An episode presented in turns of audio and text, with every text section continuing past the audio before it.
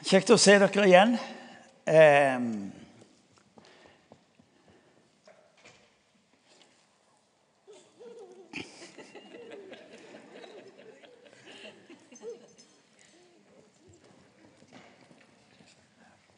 før, vi, før vi starter i dag, så må vi Vi, vi må gi eh, multimannen Eivind eh, hånd. Han, han styrer både lyd og lys og grafikken. Det, det, er sånn det av og til skjer. Ja. Han sitter der bak. Helt enormt. Helt enormt. Er du alene i dag? Ja, sa han. Han fikk en del avbestillinger i natt. Det var ikke mye å gå på når avbestillingene kommer om natta, altså. Men han bare smiler. Eh, vi har eh, gleden her i IMI og denne høsten å stoppe opp ved personer i Bibelen som vi ønsker å lære ifra. Få tak i hva var det som kjennetegna livet deres. Hva var det som gjorde at de fikk den betydningen som de hadde. Og vi tror ikke at Bibelen er gitt oss som en bok som gir oss de gode historiene. Vi tror at når vi leser i Bibelen, så er det fordi at Bibelen ønsker å være et brev fra Gud til mennesker. Slik som jeg behandla folk før, behandler jeg de i dag. Jeg ønsker at du skal vite at som jeg var far for disse, vil jeg også være far i ditt liv. Når du og meg får lov til å lese Bibelen, så er den altså ikke bare gitt og dere har hørt meg si det noen ganger, den er ikke bare gitt til informasjon, men den er gitt til transformasjon. Som Gud var den gangen, er han i dag og vil være den samme Guden i ditt og mitt liv. Og Det gjør jo det å lese Bibelen plutselig helt annerledes.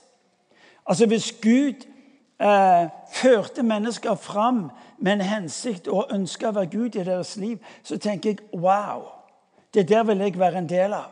Og så blir altså personene vi står opp for, noe mer enn bare historiske personer som vi ser der bak. Når Gud bruker mennesker og får tak i dette, du skal høre meg si det mange ganger, men når Gud bruker mennesker, så bruker han vanlige mennesker. Han bruker ordinære mennesker.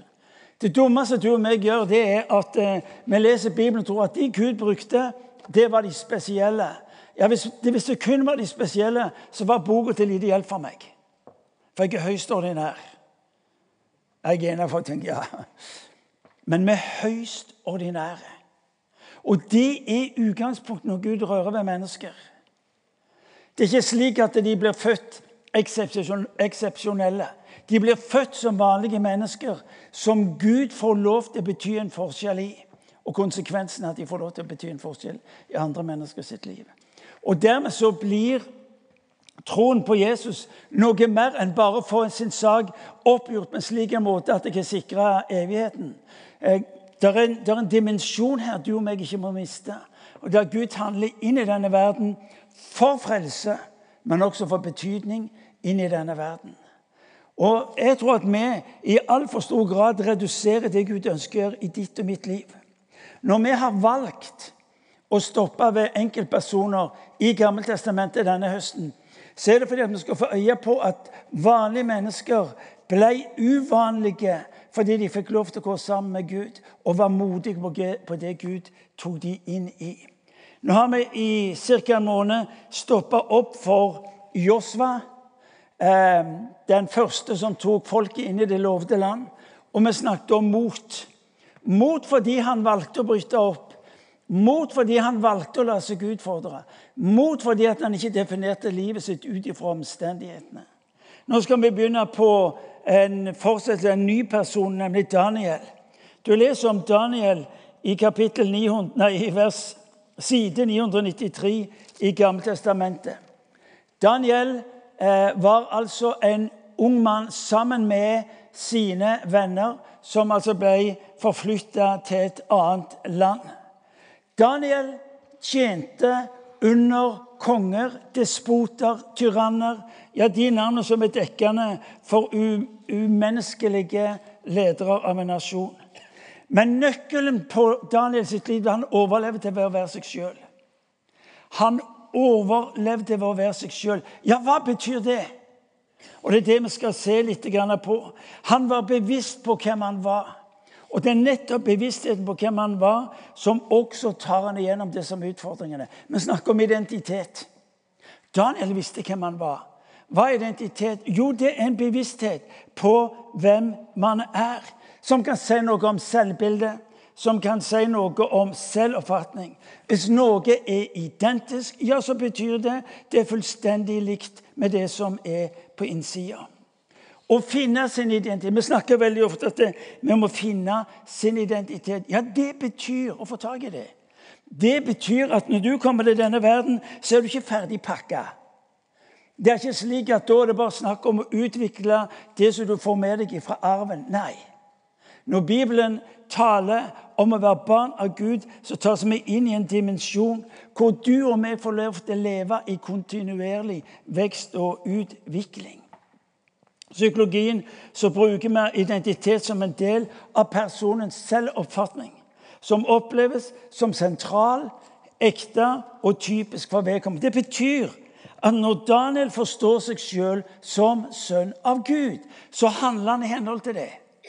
Når Daniel forstår seg sjøl som en som er kalt inn i Guds nærvær, ja, så forstår han seg som en del av det.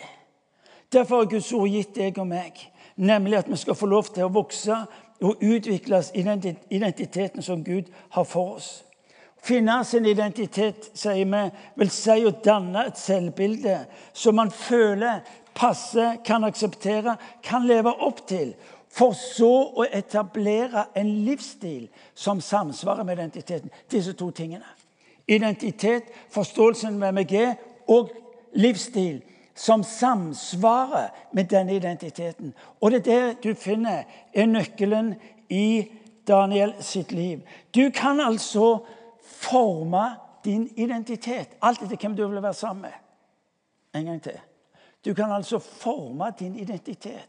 Alt etter hvem du vil være sammen med. En gang til. Det er ikke slik at du kommer til denne verden, så er du ferdig pakka. Nei, du er ikke det. Men du kan forme din identitet. Skal du få tak i personenes liv, eh, som du leser om en Josva, om en David, om en Daniel, så må du få tak i historien før historien. Og Det er her de fleste av oss skjer, lar det skjære seg, fordi vi sier wow, dette er jo fantastisk, og så får vi øye på øyeblikket, og så mister vi vandringen som ligger bak. Og den vandringen som ligger bak, den kan for mange av oss være svært så kronglete. Det kan være en vanskelig historie, en umulig historie. Ved så mye ved den historien som taler imot oss. Og for mange så blir det slik ja, nei, du vet at sånn har livet mitt vært. Og det er nok sånn det kommer til å bli også. Nei. Å være en Jesu etterfølger betyr at jeg begynner på en prosess hvor identiteten min skal få lov til å endres, få lov til å vokse inn i en, sam, eh, en fellesskap med Han vi tror på.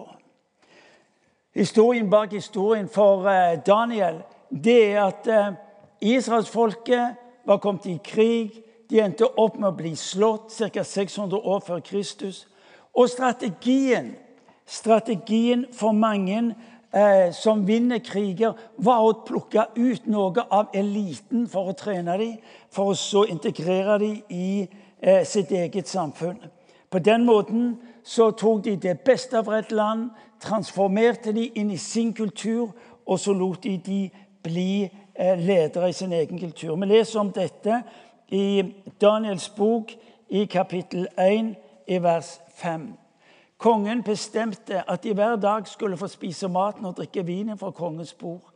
I tre år skulle de få opplæring, og deretter skulle de tre inn i kongens tjeneste. Altså, Regnestykket som følger. Vi vinner over et land, vi tar ut det beste, og så plasserer vi dem i vårt land. Og så skal de gjennomgå en type hjernevask, omforming, og så skal de bli blant de beste i vårt land. Og så leser vi noe som er uhyre interessant, og vi leser om det fra vers 8 til vers 13. Daniel bestemte seg for at han ikke ville gjøre seg uren eh, med maten og vinen fra kongens bord. Han ba hoffsjefen om å få slippe å gjøre seg uren. Gud lot hoffsjefen få godhet og velvilje for Daniel. Men hoffsjefen sa til Daniel, 'Jeg frykter at min herre kongen, som har bestemt hva dere skal spise og drikke, skal synes at dere ikke ser så friske ut som de andre guttene på deres alder.' Og da har dere satt livet mitt i fare hos kongen. Daniel sa da til oppsynsmannen som hoffsjefen hadde satt over Daniel, Hananya, Mishael og Asaria. Prøv tjeneren din i ti dager. Gi oss grønnsaker å spise og vann å drikke. Så kan du sammenligne vårt utseende med de unge guttene som spiser av maten fra kongens bord, og behandle tjenerne dine ut ifra det du får se. Hvis du tror at dette var enkelt, så kan jeg fortelle deg at det var det ikke. Dette er en guttunge, dette er en tenåring.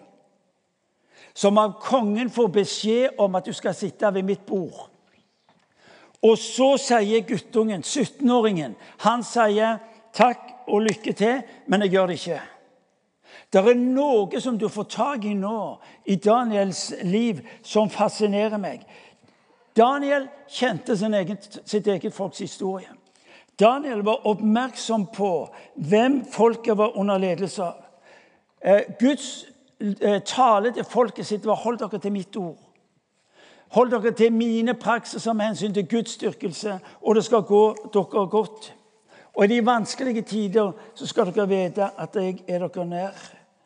Det som skjer med Daniel, det er at Daniel i de vanskelige tider opplever at han må være tro, må være tro fordi han kjenner sitt folks historie.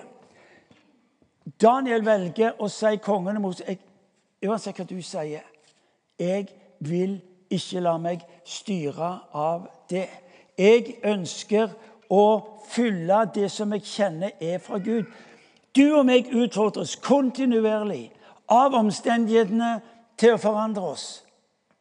Enten det er omstendigheter som du kontrollerer, eller omstendigheter som du på et vis er underlagt i forhold, til miljø, jobb, eh, virksomhet som du er del i.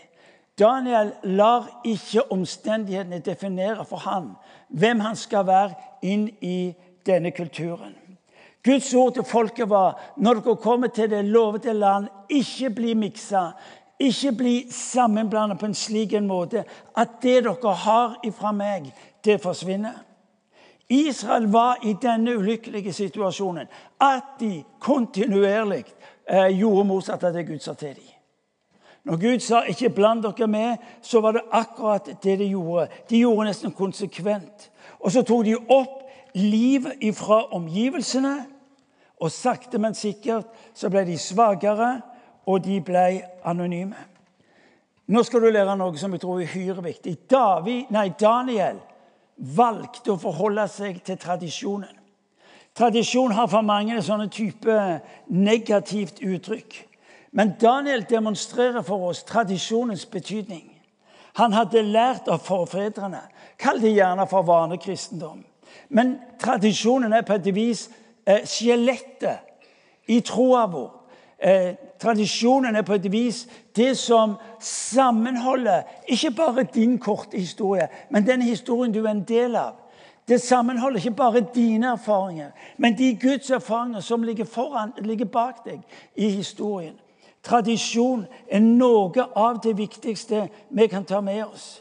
Fordi det er i de vanskelige dager, når du mangler det du trenger til, at nettopp ved å se tilbake på tradisjon, du oppdager hva den betyr i ditt liv. Når du og meg leser i Det gamle testamentet, som dere også hørte sist gang Når Gud sier er Abrahams Gud, Isaks Gud og Jakobs Gud, sier det også noe om tradisjon. For som jeg var for Abraham, vil jeg være for Isak, vil jeg være for Jakob, vil jeg være for deg.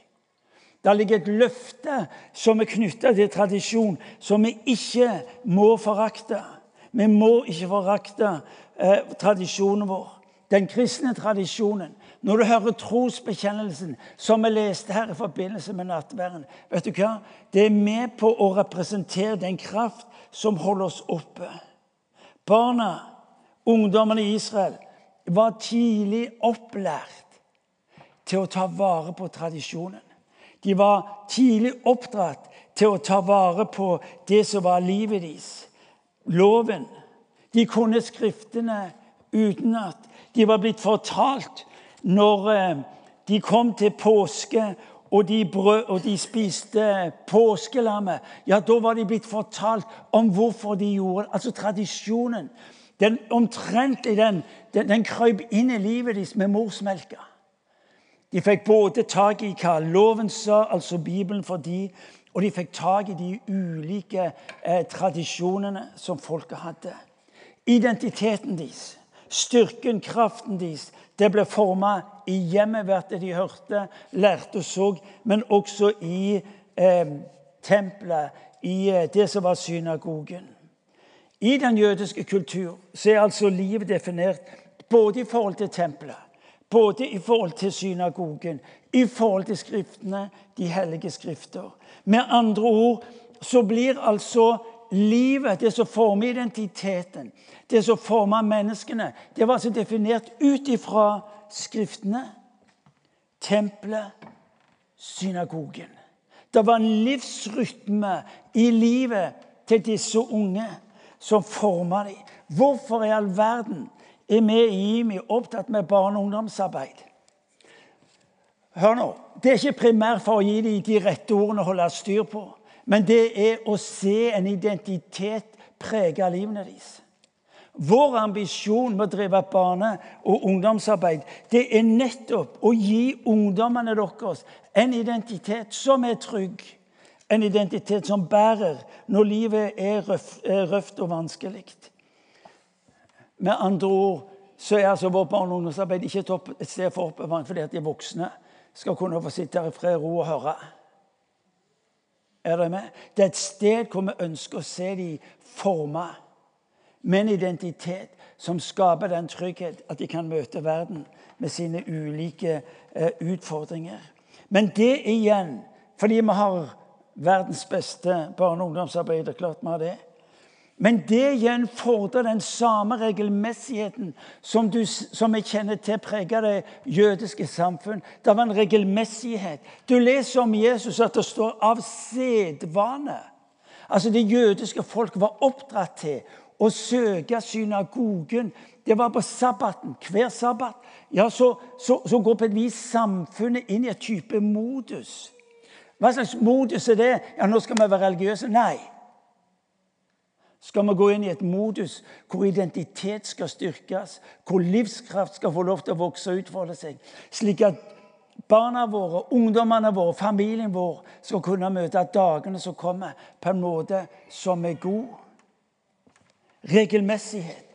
Det var stabilt i livene deres. De lærte tidlig Skriftene utenat, slik at identiteten, det som skulle bli stående når alt annet ble tatt ifra dem Når altså da Daniel med sine tre eh, kamerater eh, blir altså flytta ut fra sitt eget land med tradisjoner, med mulighetene, og plasseres i et sted hvor det ikke er tempel, hvor det ikke er et synagoge, hvor de ikke lenger får høre Skriftene, så har altså alt dette tatt bolig i livene deres.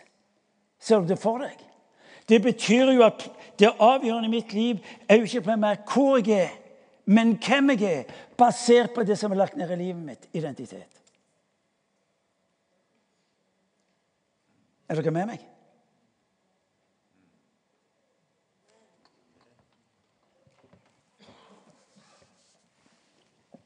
Vi har et lite problem her i Norge.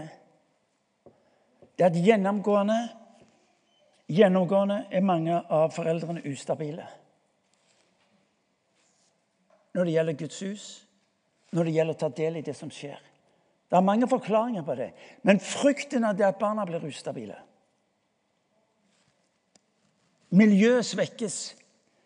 Venner som de trenger, får de ikke det forholdet til fordi de er der så mye av og på, av og på, og undervisningen blir ufullstendig. Hør nå godt etter, for dette er noe av det jeg kjenner tar meg. Hvorfor i all verden starta vi i sin tid KF-skolen? Jo, vi starta KF-skolen fordi det var et mål å skulle gi ungene våre det absolutt beste. På samme måte så driver vi et barne- og ungdomsarbeid fordi vi har et ønske om å gi ungene våre det beste. Alt vi holder på med når det gjelder forhold til barn og ungdom, har ett mål. Det at ungene skal få lov til å vokse inn i noe som gjør at de blir stående når livet blir utfordrende og tøft. Og, og naturlige støtter på et vis tas ifra dem. Der er, der er foreldre, der er altfor mange kristne foreldre eh, hvor altså kirka, miljøet, blir salderingsposten. Jeg har ett ønske, og det er altså at ungene deres får det beste. At ungene når de blir 20-25 år, ser tilbake og sier vet du hva, jeg fikk det jeg trengte for å møte dagen i dag. Dere er med på å modellere for deres unger. Og vi ønsker å se at deres unger skal kunne se tilbake igjen og si vet du hva, jeg fikk det jeg skulle ha for å møte ungene. Av sedvane står det om Jesus. Av sedvane. På sabbaten gikk han i synagogen. Vi vil se våre barn, vi vil se deres barn. Vi ønsker å se dette bli en så naturlig del, fordi at her finner de sentrum. Ikke primært huset, men dette at vi kommer sammen. Og så bygges det identitet, ikke bare i barna sitt liv, men også i vår liv. Det er dette, det er dette tradisjonen som Daniel hadde fått inn, som han hentet fram under de vanskelige tider. Det er dette han løfter fram når han utfordres og våger å stå opp. Det var det som var bygd inn i han, og som var forma som identitet i han. Og han blir stående. Vi leser, vi leser at, han, at han ble invitert. Han ble invitert til å sitte ved bordet. Tilbudene sto i kø for Daniel. Tenk deg den posisjonen. Én ting var at landet var knust. Kampen var tapt. Men han, sammen med disse andre, Sadrak, Mesak og Abednego Du husker de navnene, ikke sant vel? De var noe av det første jeg lærte som kristen. Jeg har aldri glemt de. Det var jo musikk. Sett en melodi til det, og du har sangen med en gang. Sadrak, Mesak. Ja. Så de har jeg huska siden. Og Der plasseres de med alle mulighetene ved kongens bord. Det ga de adgang til alt. De ble ikke knust, tvert imot, de ble plassert med alle mulighetene. De gikk det dårlig for, men oss har det gått godt for. Det er mulig de så på det som et bønnesvar. Det er mulig de tenkte som så at ja vel, du må berge oss, og så og så berger han de fra kampen, berger de fra døden, og så plasseres han ved bordet. Og en skulle tro at det måtte være et bønnesvar. Ja, Få sitte ved kongens bord, og alt er åpent, og alt er mulig, og alt er tilbudt, er, er, er mulig. De skulle plasseres ved et bord hvor de skulle få hjelp til å lykkes. Og så leser vi Så leser vi at David, nei, Daniel velger mot all fornuft. Han velger mot omgivelsene. For det er noe som sitter i ryggraden Det er ryggmargsrefleksen som reagerer, som han ikke taler om. Ikke taler om. Det er tenåringen vi snakker om. Du dekker bord for meg. Men tradisjonen min, troen min, sier nei. Jeg vil ikke forsøple meg. Jeg vil ikke ta inn det som gjør livet mitt ureint, som Guds ord taler imot, og som tradisjonen har tatt meg inn i. Det som fascinerer meg med Daniel, er at han gjør et valg. Og Når jeg har jobba med denne teksten, så har det vært at Gud gi, gi meg mot på de valg som ikke uten videre går opp med omgivelsene eller omstendighetene eller det folk måtte tegne. Daniel gjør et valg. Og Det er noe av det du òg må få med deg denne formiddagen. Du er summen av dine valg, pleier vi å si. Vi lærer av Daniel at eh, han velger det han kjenner Guds ord, tar han inn i. Tradisjonen tar han inn i. Mange vil ha det Gud lover oss. Leser i Bibelen, ser et hav av løfter. Men så er problemet vi vil ikke velge. Ja, men hvis jeg velger det, så må jeg si nei til det. Og så lever vi i et samfunn hvor vi vil ha muligheten å åpne gudstjenestene. Helge. Hvorfor i all verden driver vi på med gudstjenester? Jo, fordi hørte du å se noe bygd inn i livet ditt. Eh, din plass for å kunne tilbe. Hvorfor har vi disse helgene med åpen himmel? Og fordi vi ønsker å se livet ditt lykkes maksimalt. Ja, Det skjer en del rare ting, uvante ting. Ja, Det er klart det er uvant hvis det er nytt. Folk sier til meg har aldri opplevd det, for det skulle da bare mangle. Hvis det er nytt, ja, så er det jo nytt.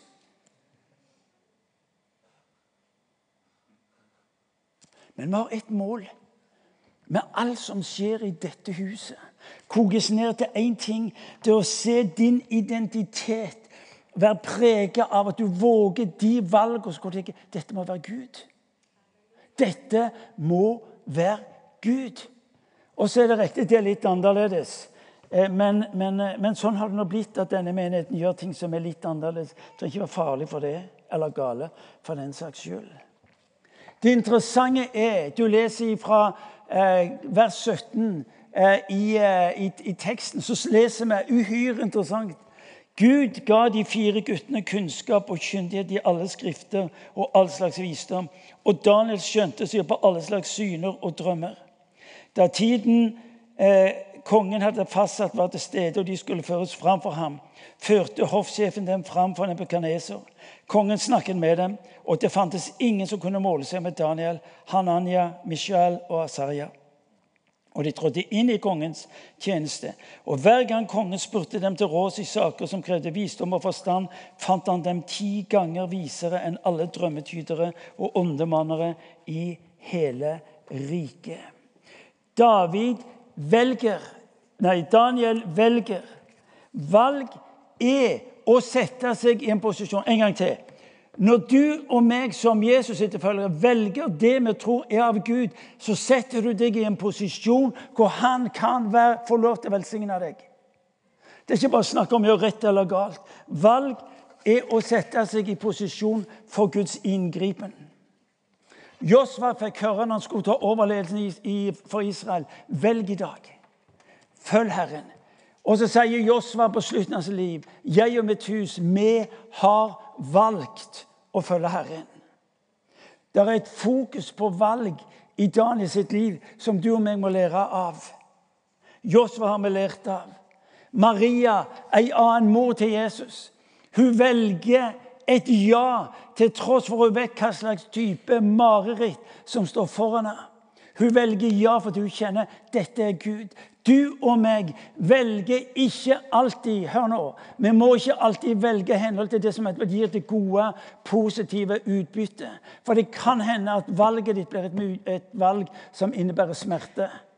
Som innebærer vanskelige tider. For Maria, Jesu mor, så var spørsmålet ja, men hvem er jeg? Ja, men Hvis du, Gud, sier det, ja, men da velger jeg. Da velger jeg. Du og meg kalles til å velge. Denne menighetens historie er en historie om valg som ikke alltid stemte med omgivelsene.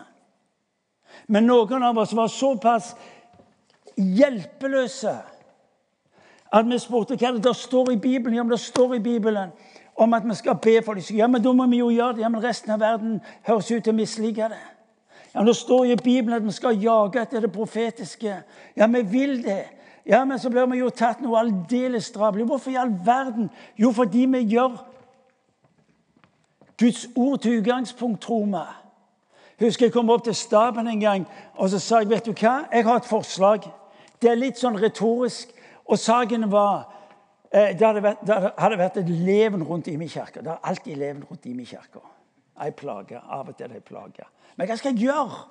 Og så sier jeg til staben OK, jeg har et forslag. Nå kutter vi ut alt som har med forbønn for syke. Og så kutter vi ut all denne profetigreia. Og så vil vi bli erklært Jeg garanterer dere at vi vil bli erklært som en mønstermenighet i Norge. Med alt det vi driver på med. Skal vi gjøre det? Så ser de på meg og tenker de, han må være trøtt, eller ikke så han tippa.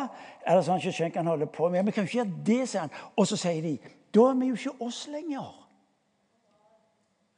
Da er vi jo ikke oss lenger. Vet du hva? Mitt rykte ville ha vært vesentlig bedre hvis vi hadde slutta med denne greia. Hadde det. Du hadde sluppet å skulle forsvare deg på jobben om Er, er du med i den der greia der? Er dere enig i det? Det er noen av dere som får tyn i familie og, og på jobben. og så, ja, det, det, ja, klart det er det. Men altså Å putte vår Herre inn i en eller annen boks som passer meg, det må jo bli Kan ikke være attraktivt i det hele tatt. Så var en som spurte hvor lenge skulle du holde på med det der, Martin. sa ah, Jeg tror vi holder på med det til Jesus kommer igjen. Ok, men det er greit. Da har vi perspektivet. Hør nå, Det er ikke slik at IMI i dag er et resultat av at ting bare ramler oss i hodet. IMI er et resultat av at vi har gjort valg. Og så lever vi med at noen av omgivelsene våre skjønner ikke hva vi holder på med. Vi sier ikke at de tar feil. Vi har ikke behov for å eh, forklare oss på en slik en måte at de andre skal bli overbevist. Men vi har tro for at de valgene vi gjør, skal vi senere kunne gå tilbake til. Hva, hva står det i denne boka om helbredelse? Hva står det i denne boka om profeti? Hva, bare det å ha et helbredelsesrom folkens, er inn i en norsk, typisk kirkelig virkelighet. er det sånn at Folk tenker hva er det de holder på med? God venn av meg møtte en av biskopene og sa du, hva er, det, hva er det de holder på med der borte? Helbredelsesrom. Er dere med? Vi gjør valg, men valgene er ikke garantien for at nå blir det bare medvind, sol og nedoverbakke.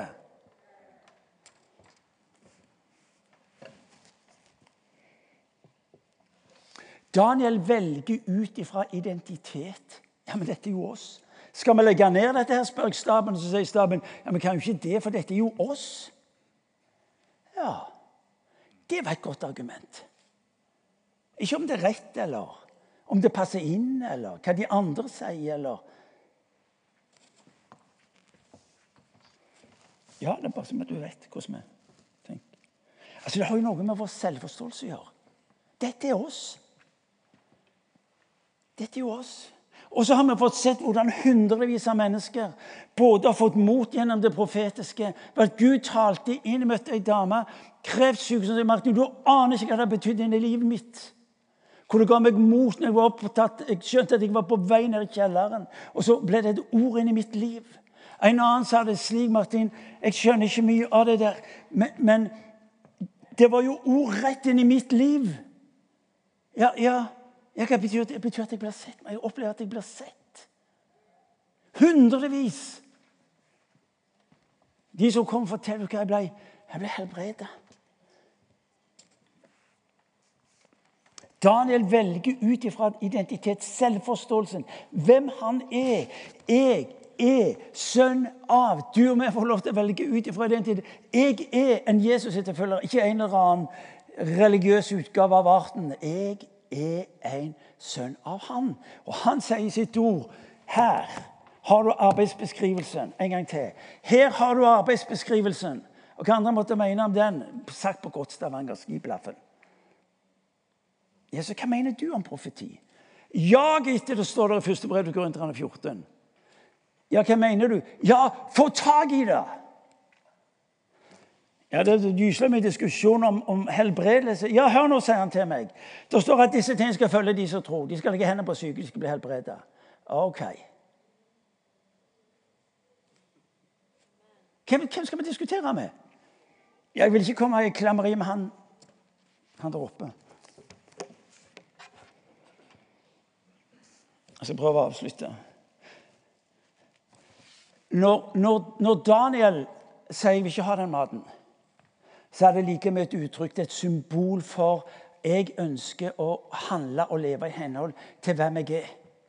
Jeg vil leve og handle på hvem jeg er. Jeg, jeg har tro på hvem jeg er, nemlig sønn, datter. Jeg er trygg på Herrens løfte, som sa til israelsfolket når dere holder dere til mitt ord, skal dere erfare mitt nådige nærvær. Og så våger han troen på det Guds løfte som blir sterk nok til å utfordre omgivelsene. Det står at Gud ga ham favør. Så nydelig. En gang til, du fikk det ikke med. Der står at Gud lot hoffsjefen få godhet og velvilje for Daniel. Hør nå, Når du og meg handler i henhold til, så er det et favør som Gud lar hvile over ditt liv. Får du tak i det? Det står at i vers 17 Gud ga de fire guttene kunnskap og kyndighet i alle skrifter. Det er håpets ord for deg og meg som opplever som ordinære. Det står at Gud ga. Det står til og med i Nytestamentet at mangler du visdom, så bare be han, og han vil gi deg det. Ja, må slutte å unnskylde deg med at jeg, jeg kan ikke dette. Bare vær visdom, står det. Må du være der lenge nok til han kan få gi deg det. Så står det at han søkte Herren til han fikk svar. Du og meg utfordres på samme måten. Hva slags mat er det du og meg tilbys for det gode og suksessrike livet? Det er ikke nødvendigvis at maten er feil i seg sjøl, eller at det er dumt i seg sjøl. Det tar bare plassen for noe som er viktigere. Alt, ja, ja, det er ondt. Vi opererer ikke med noen. Dette er mitt problem, ikke det som ondt. For det har vi ferdigheter til å avsløre. Altså, de færreste av oss vil jo finne på å gjøre ting som vi vet er ondt. Men ditt og mitt, din og min utfordring er at vi fyller opp livet med alt det andre som ikke er nødvendigvis sunt, men det tar plass. Så er det ikke plass for det Gud ønsker å legge ned i livet ditt. Gode venner, vi skulle ta med et hotell oppe i eh, Gudbrandsdalen. Kom seint på natta og skulle gjerne ha rom. Og sa nei, beklager, det er fullt. så. Ja, men jeg betaler gjerne. Jeg, jeg betaler dobbelt, sa han. Nei, det er fullt. Ja, men jeg, jeg vil gjerne Hør nå, sier resepsjonisten. Det er fullt. Det er ikke plass. Vi utfordrer oss på det samme. Hva slags bord er det vi setter oss ved? Det Gud vil ta deg inn i. Vet du hva? Du og meg utfordres på kompromisser hele livet. Det var det Daniel ble utfordra på. Sett deg ned. Du skal få mat. Få det beste. Min erfaring er at når du setter deg ned ved det bordet Herren dekker for deg, så får du det andre i tillegg. Dette er godt sagt. Når du og meg setter oss ned ved det bordet han dekker for, så får du det andre i tillegg. Da står det søk først Guds rike, så får du det andre i tillegg. Du og meg utfordres hver dag favør. Jeg syns det er så nydelig. Det sto godvilje eller favør på Stavanger. Ti ganger. Vet du hva, Det der går jeg for. Ti ganger hva det sto? Ti ganger visere. Den tar jeg. Den tar jeg. Vis meg det bordet. Og jeg, jeg, jeg vil sitte der. Jeg blir værende der. Ja.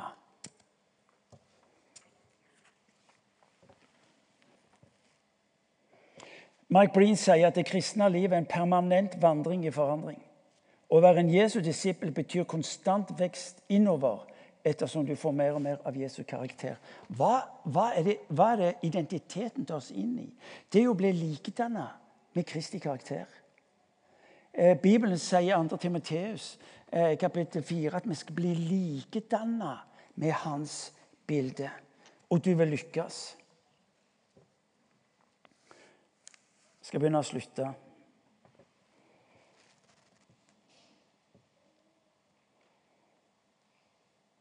I kapittel 2 leser du om Nebukadneser som,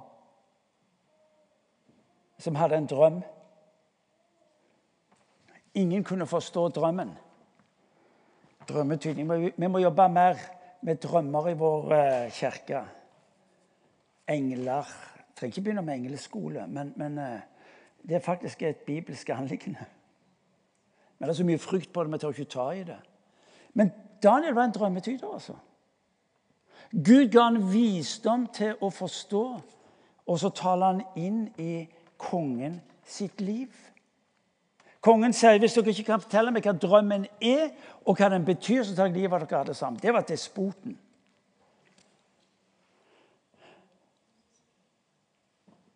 Kjære Gud. Hva all verden betyr det? Han tar livet av meg. Må, hva, hva, betyr det? Guds ord sier 'vær stille og hvit'. Og så inviterer han deg til å være stille, slik at han kan få lov til å tale inn i ditt liv. De svarene du trenger for de situasjonene du befinner deg i.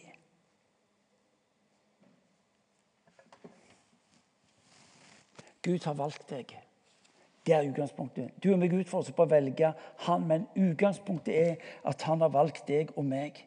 Ditt valg er en respons på hans valg mot deg. Halleluja. Ja.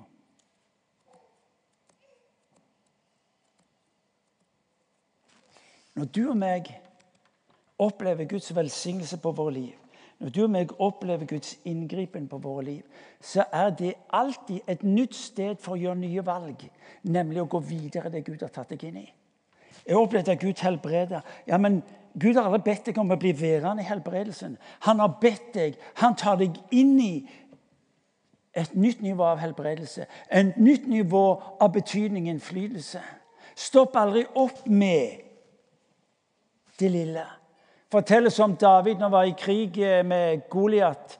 Eh, de av dere som var der på lørdag, hørte jo eh, undervist om dette. Hvor, hvor David i møte med Goliat begynner å fortelle om hvordan Gud har velsignet ham. Ja, Grunnen til at Gud har fått lov til å velsigne det er at David valgte i sin ungdom og Det starta den gangen han sier når løva kom imot meg, så tok jeg han. Og når bjørnen kom imot meg, så tok jeg han. Men han starta jo ikke med løva og bjørnen. Gjorde han det? Han starta, han starta med musa. Ja, han tørde musa. Og så kom det neste gang så var det ei rotte han tok. Og vet du hva? Avstanden mellom ei mus og ei løve det er bare spørsmål om tid. det. er jo det. Husker jeg spurte en skihopper så sa han, jeg fatter ikke at de tør å hoppe 253 meter. De er jo sprått galne, sier jeg. Så han, men Det er ikke der det starter, Martin. Ja, Hvor er det da hen? Starter bak huset. Hopper de tre meter. Avstanden mellom tre meter bak huset og, og, og Vikersund Det er bare snakk om tid, det. Det er noe i det.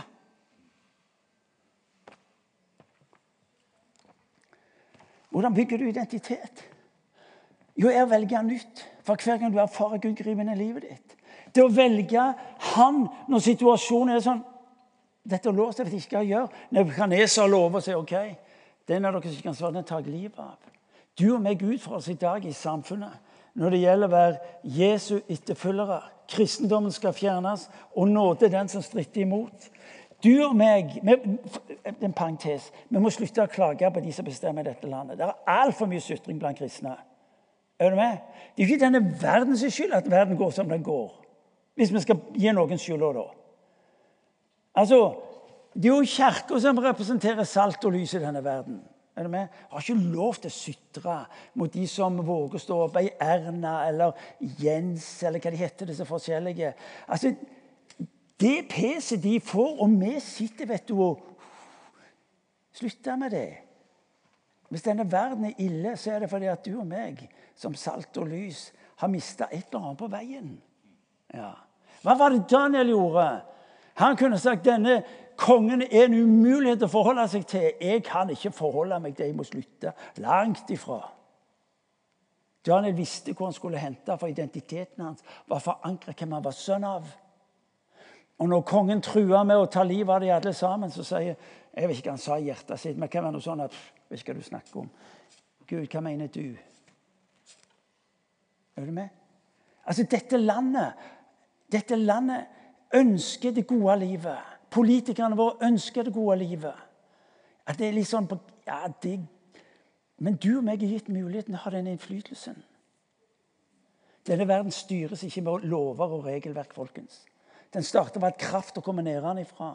Ved at du og meg som får lov til å ha vår identitet i Han, gjør erfaringene med Han, lever i en tradisjon som bringer liv, så vil flesteparten av det norske folket de vil omfavne det.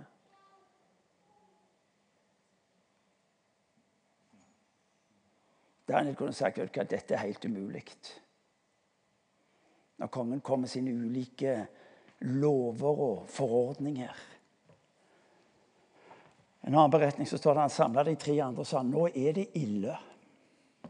Nå er det ille. Vi må be sammen. så må vi Søke Gud. Og så søkte de Gud sammen, og så fikk de det de trengte. Og kongen sa det er ingen Gud. Det er ingen Gud som deres Gud. Grunnen til at dette folket vårt ikke ser den guden du og meg tror og tilber, er ikke de skyld. Det er vår. Derfor skal vi få lov til å lære av Daniel. Derfor skal vi få lov til å lære av Daniel.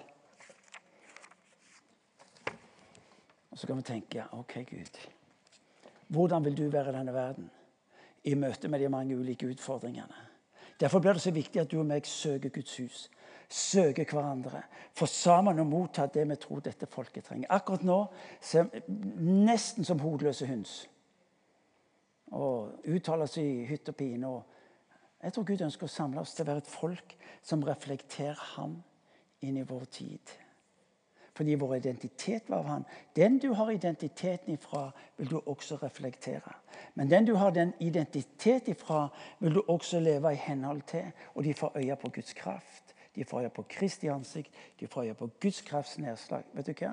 Det er det denne verden lengter etter. Og det er det du og meg får lov til å lære av Daniel. La oss reise oss og be.